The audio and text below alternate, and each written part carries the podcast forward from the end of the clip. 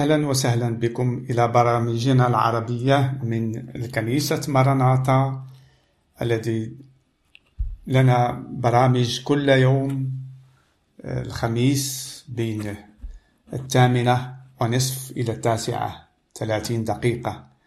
نرحب بكم لسمع كلمات الحياة باسم يسوع.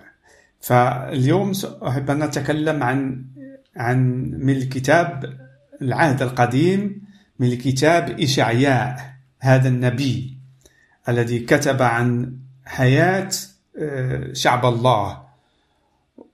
وبالأخص أحب نعرف نتكلم عن الملك حزقيا حزقيا الذي هو كان في العهد القديم قبل أن يأتي الرب يسوع المسيح. من السماء. هذا كان ملك حزقيا يعيش شعب ملك شعب الله. فمكتوب لنا كتب إشعياء لنا لكي أن ندرس حياة حزقيا لكي أن نتعلم كيف الله يتمشى مع الإنسان. فسوف أقرأ بعد كلمات ونفسر ما وقع في حياة ملك حزقيا. في الآن أقرأ من الأصحاح السابع والثلاثون ومن الآية عشرة. مكتوب هكذا. أه نعرف على أن في الوقت اللي كان حزقيا ملك شعب الله ملك يهوذا كان ملك أشور كان قوي جدا وقد انتصر على شعوب وعلى ملوك كثيرة وأخذ أراضي كثير جدا. والآن هذا ملك أشور رسل آه، خدامه لكي أن يتكلم يتكلم عن لحزقية لأن ملك أشور اسمه برشاقة.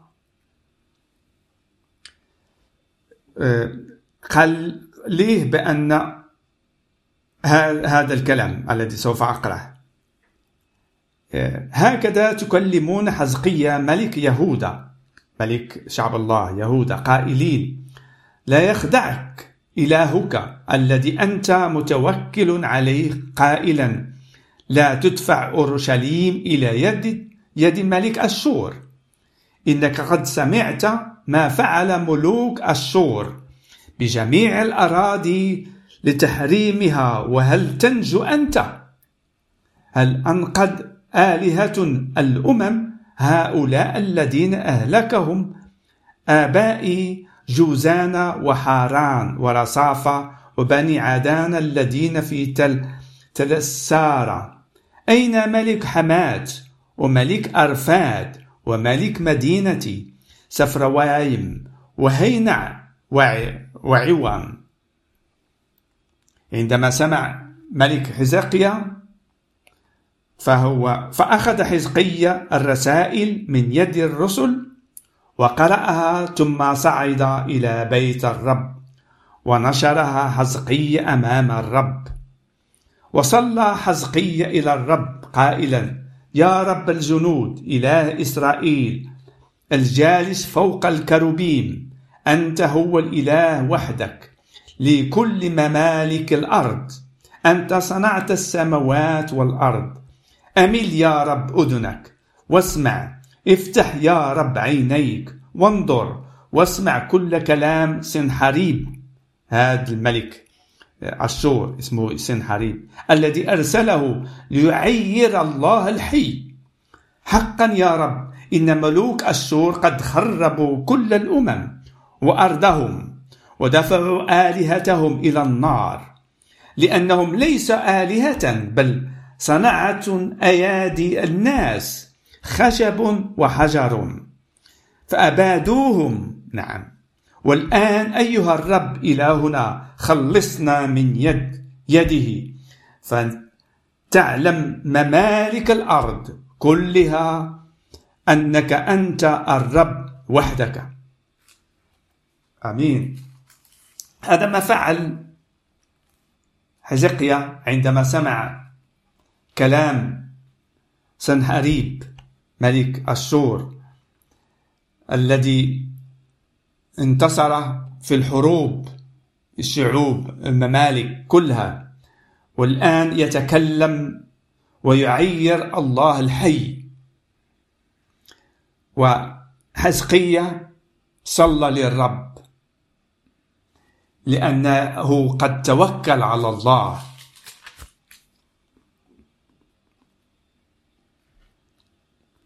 فالله أرسل إشعياء إلى حزقية لكي يعطيه كلام جواب منحريب.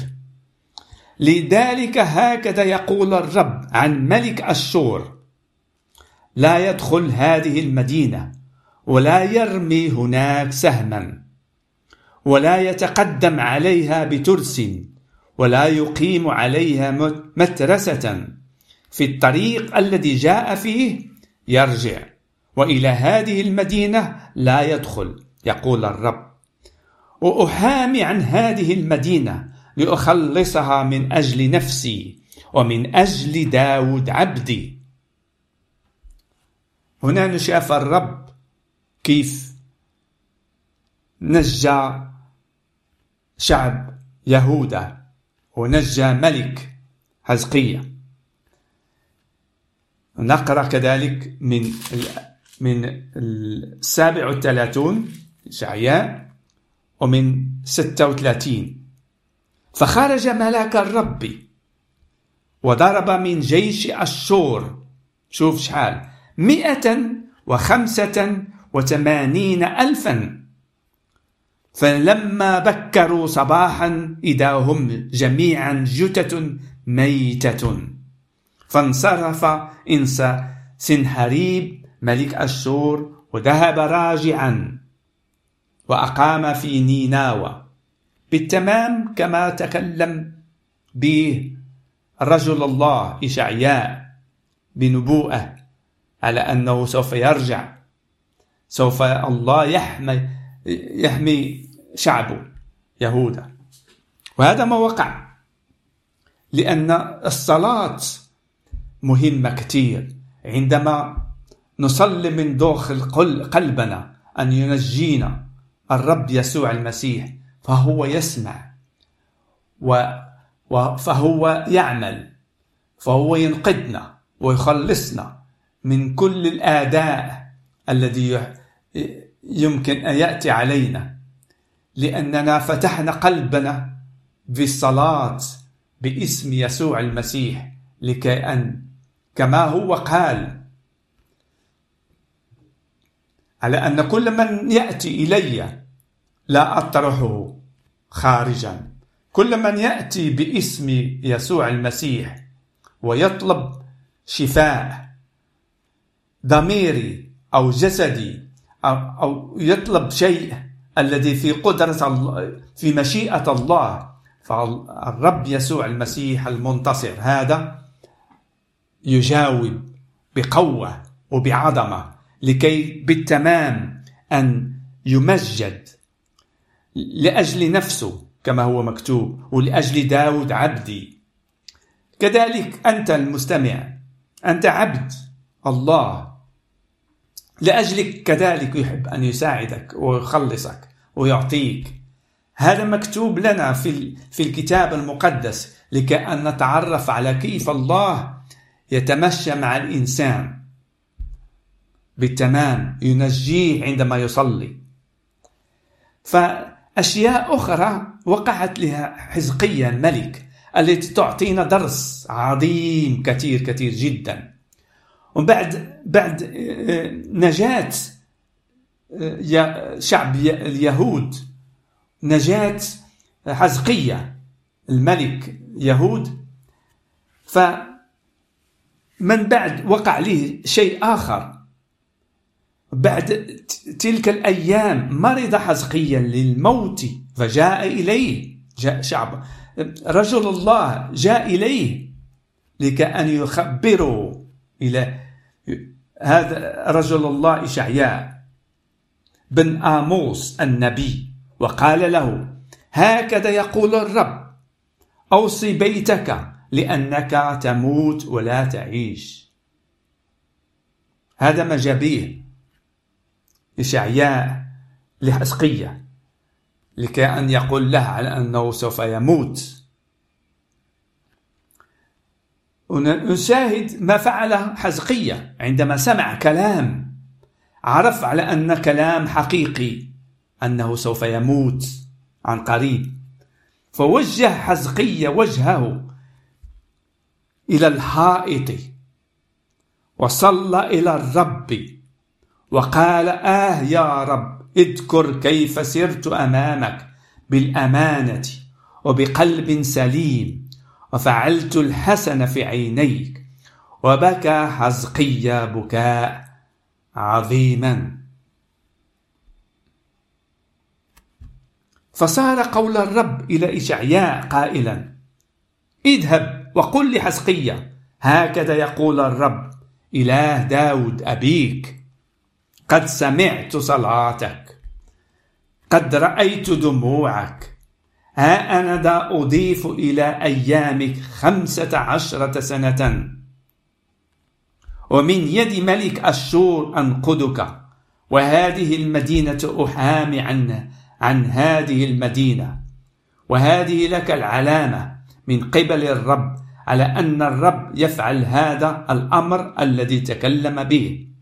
فها أنا أرجع ظل الدرجات الذي نزل في درجات آحاز بالشمس عشر درجات إلى الوراء. فرجعت الشمس عشر درجات في الدرجات التي نزلتها. هذا علامة من عند الله. رجعت الشمس عشر درجات. لأن بالدرجات كانوا يعرفوا الوقت. الإنسان في ذلك الوقت. فشفى في الآية تسعة مكتوب كتابة حزقية ملك يهوذا قد مرض وشفي من مرضه نعم الله يسمع للصلاة عند الحامسة التي تخرج من أفواه قلوبنا من أعماق قلوبنا. يسمع إلينا. يا عسى لنا ما أعظم عندنا. فرصة عظيمة لنأتي إلى هذا الإله الحي الذي باسم يسوع المسيح. عمل نهاية لهذا العالم. وعمل شيء جديد عندما أعطى دمه سفك دم. دمه لأجل خطية العالم لأن الخطية تطلب دم وأعطى الرب يسوع هذا الدم لكي أن تغفر لكل من يأتي إليه كل من يأمن به ويتعرف عليه على أنه هو الذي أتى من السماء وخذ جسد إنسان وعاش حولنا وبشر بكلام الملكوت السماوات بكلام الحياة كما قال كلام حق وروح. نعم كلام عندما نسمعه يعمل فينا شيء جديد ويعطينا قوة أن نأمن بأنه هو ابن الله الحي الذي فتح باب جديدة الذي عمل طريق جديدة بين الإنسان والله. صلاح أبدي. ولأن بالصلاة ممكن أن نتضرع والرب يسمع إلينا. وهذا مكتوب لنا على حزقية كذلك. أعطاه الله خمسة عشر سنة يعيشها. وكان مرض مرض للموت. وشفاها الرب لأنه مال لله بصلاته من أعماق. وشفاها الله. شيء عظيم. نعم. وكذلك نتبع دراستنا عن هذا الملك حزقيا ملك يهوذا كذلك نعرف على أن آه، ملك بابل كما هو مكتوب في التاسع والثلاثون في ذلك الزمان الذي يعيش فيه حزقيا وشعب الله اليهود. أرسل مردوخ بلدان بنو بلدان ملك بابل. رسائل وهدية إلى حزقية. لأنه سمع لأنه سمع أنه مرض ثم صح ففرح بهم حزقية وأراهم بيت ذخائره الفضة والذهب والأطياب والزيت الطيبة وكل بيته أسلحته وكل ما وجد في خزائنه. لم يكن شيء لم يرهم إياه حزقية في بيته. وفي كل ملكه هنا نشاهد شيء جديد فعله حزقية ملك بابل جاء بهدايا لحزقية لأنه شفى شفي من مرضه وهذا وهذا الهدية لماذا؟ لماذا؟ نعرف الله بعض مرات هو يمحن يمنح يعمل امتحان لشعبه مرات. لكي يشوف وش, وش هو بالحقيقة غادي مع الله هل نحن دائما نعمل كل شيء بقدرته؟ نطلب الله في كل شيء. عندما نمشي في شيء عندما نحب أن نشتغل عندما ننام عندما نفيق. في أيامنا هل نحن دائما نحس بعمدمة الله؟ هل هل حياتنا مع الله داومة أم لا؟ فالله يمنح. كان حزقيا يقول لماذا هذا الهدية إلي؟ لأن شفيت. ولكن لم يطرح. هذا السؤال. لم يطرح هذا السؤال ويأخذ مشورة الله ويتعرف على أن هذا كان امتحان. امتحانه. فماذا فعل حزقية؟ بدأ يفتخر. بدأ يفتخر بما أعطاه الله بما عنده في الخزائن من ذهب ومن آه، ما عنده يعني الله ما أعطاه من كنز. وهذا جعل أن حفرة يطيح فيها. حفرة هذا تعليم إلينا. وهناك نشاهد الله أرسل نبيه إشعياء كما هو مكتوب في الأصحاح التاسع والثلاثون من الآية ثلاثة مكتوب هكذا. فجاء إشعياء النبي إلى ملك حزقية. وقال له ماذا قال هؤلاء الرجال من أين جاءوا إليك؟ فقال حزقية جاءوا إلي من أرض بعيدة من بابل. فقال ماذا رأوا في بيتك؟ فقال حزقية رأوا كل ما في بيتي ليس في خزائن شيء لم أريهم إياه. فقال إشعياء لحزقية اسمع قول الرب الجنود. هو ده تأتي أيام يحمل فيها كل ما في بيتك. وما خزنه آباؤك إلى هذه اليوم إلى بابل لا يترك شيء يقول الرب ومن بنيك الذين يخرجون منك الذين تلدهم يأخذون ويكونون خصيانا في قصر الملك بابل. واسمع ما قال حزقيا فقال حزقيا لإشعياء جيد هو قول الرب الذي تكلمت به. وقال فإنه يكون سلام وأمان في أيامي. الواحد عندما يسمع كلام حزقية في هذا الكلام الأخير يتأسف لأنه قال لي أن الله سوف تكون له سلام في حياته ولكن لا لأولاده. أولاده سوف يصيروا يخدموا آه، ملك بابل في قصره. فهنا تجربة كبيرة عن حزقيال أنه لم يتمشى مع الله بالتمام. وبين وافتخر بما عنده. مرات نحن نقع في هذا في هذا. ممكن مرات الله نجانا وأعطانا كل ما نحتاجه. وأعطانا نكسب أشياء كثيرة جيدة ونبدأ نفتخر بها. بالتمام. وقع النبي كبير. كثير أنبياء نشاهد يقع في هذه المشكلة في تجارب ويبدأوا يفتخروا بما أعطاهم الله. عوضا أن يقول يمجد الرب. عوضا أن يسرون بكلام الرب الذي هو أعطاهم كل شيء. فيبدأوا يبين نفوسهم على أنهم هم اللي جعلوا أن تكن لهم كل هذه الخيرات. كلما الخيرات الأرض لهم لأنهم هما يظنوا على أنهم أحسن من الآخرين. فهذا امتحان امتحان يقع لنا. نحن شعب الله المؤمنين بالرب يسوع المسيح.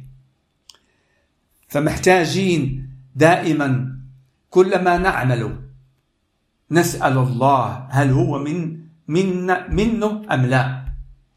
لكي لا أن نطيح في تجربة لكي لا نطيح في حفرة الذي تجعلنا أن ننفصل علاقتنا الروحية مع يسوع المسيح.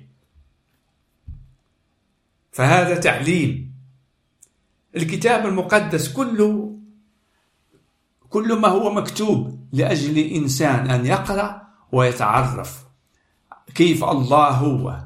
كيف الله يحب أن نكون إليه كاملا ونعمل ونحترز بعلاقتنا معه. بالصلاة وبسؤال لله عن الأشياء في حياتنا. والرب يسوع قادر أن أن يرجعنا إلى طحنا في حفرة. فلنا فرصة عظيمة نحن الذين نعيش في العهد الجديد لأن موجود الرب يسوع المسيح بقوة الروح القدوس يوجهنا يقومنا من جديد إلى طحنا في حفرات. ويجعلنا أن نكون نمشي معه يوميا في الصلاة.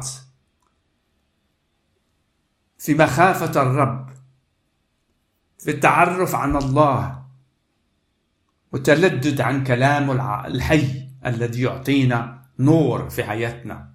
كما هو مكتوب في الكتاب المقدس أن كلام الله هو نور في طريقنا.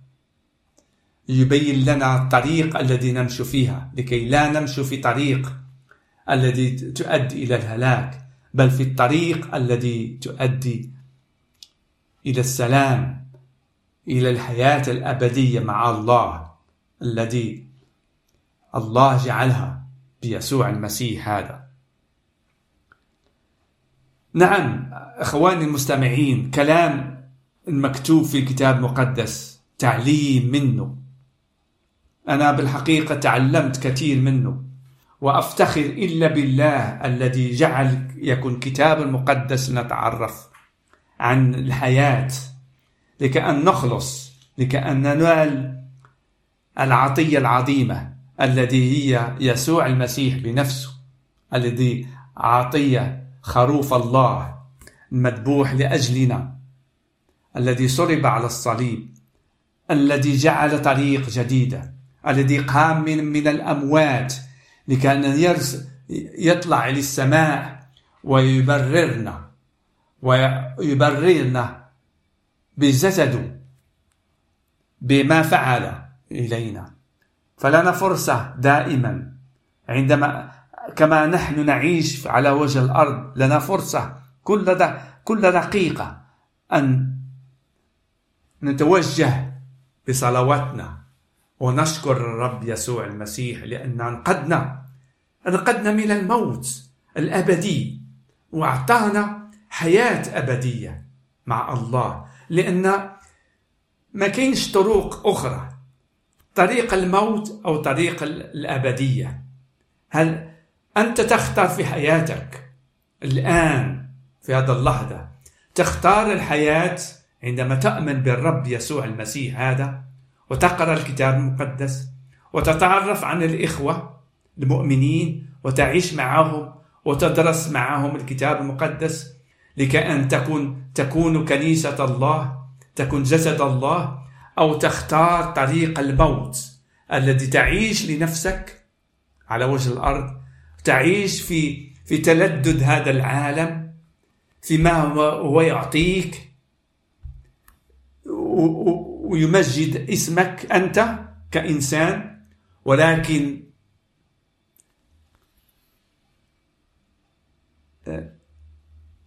لم تنال حياة الأبدية مع الله لأن لا تأتي بال... لأنك لم تأتي بالأيمان بالرب يسوع المسيح. الله جعل الطريق جوج طرق لك. تختار الموت أو الحياة. تختار الظلمة أو النور. أخي المستمع أختي المستمعة أن بفكرك وبإحساسك تحب أن تتعرف على النور تمشي في, في النور ما تمشيش في الظلمة. وأنا أقول إليك أن النور جاء على الأرض وهذا النور هو يسوع المسيح. ونوره هو كلامه الذي تكلم. فلك فرصة الآن أن تتعرف على هذا النور لكي أن تمشي في طريق النور الذي يؤديك إلى الجنة إلى الحياة الأبدية. نعم. وإن لم تختر هذا الطريق فأنك أنت تعيش في ظلمة الآن. تعيش في ظلمة الذي لم تعرف فين أنت ماشي ولكن نهاية نار أبدية مع الإبليس في ظلمة. فلك فرصة أن تختار لنفسك. شكرا أنك سمعت إلى هذا البرنامج باللغة العربية من كنيسة مرناطة الذي ترحب بكم. عندكم سؤال تحب أن تتعرف علينا؟ فأهلا وسهلا بكم. ورقم هاتفنا هو هذا. تحب أن تصلوا معنا ولكم أسئلة؟ فأهلا وسهلا بكم. رقم الهاتف هو صفر سبعة ستة خمسة ثمانية ثمانية اثنان ثمانية أربعة أربعة. أكرر مرة ثانية. صفر سبعة ستة خمسة ثمانية ثمانية اثنان ثمانية أربعة أربعة. والرب يبارككم ويعرفكم على النور. آمين. آمين.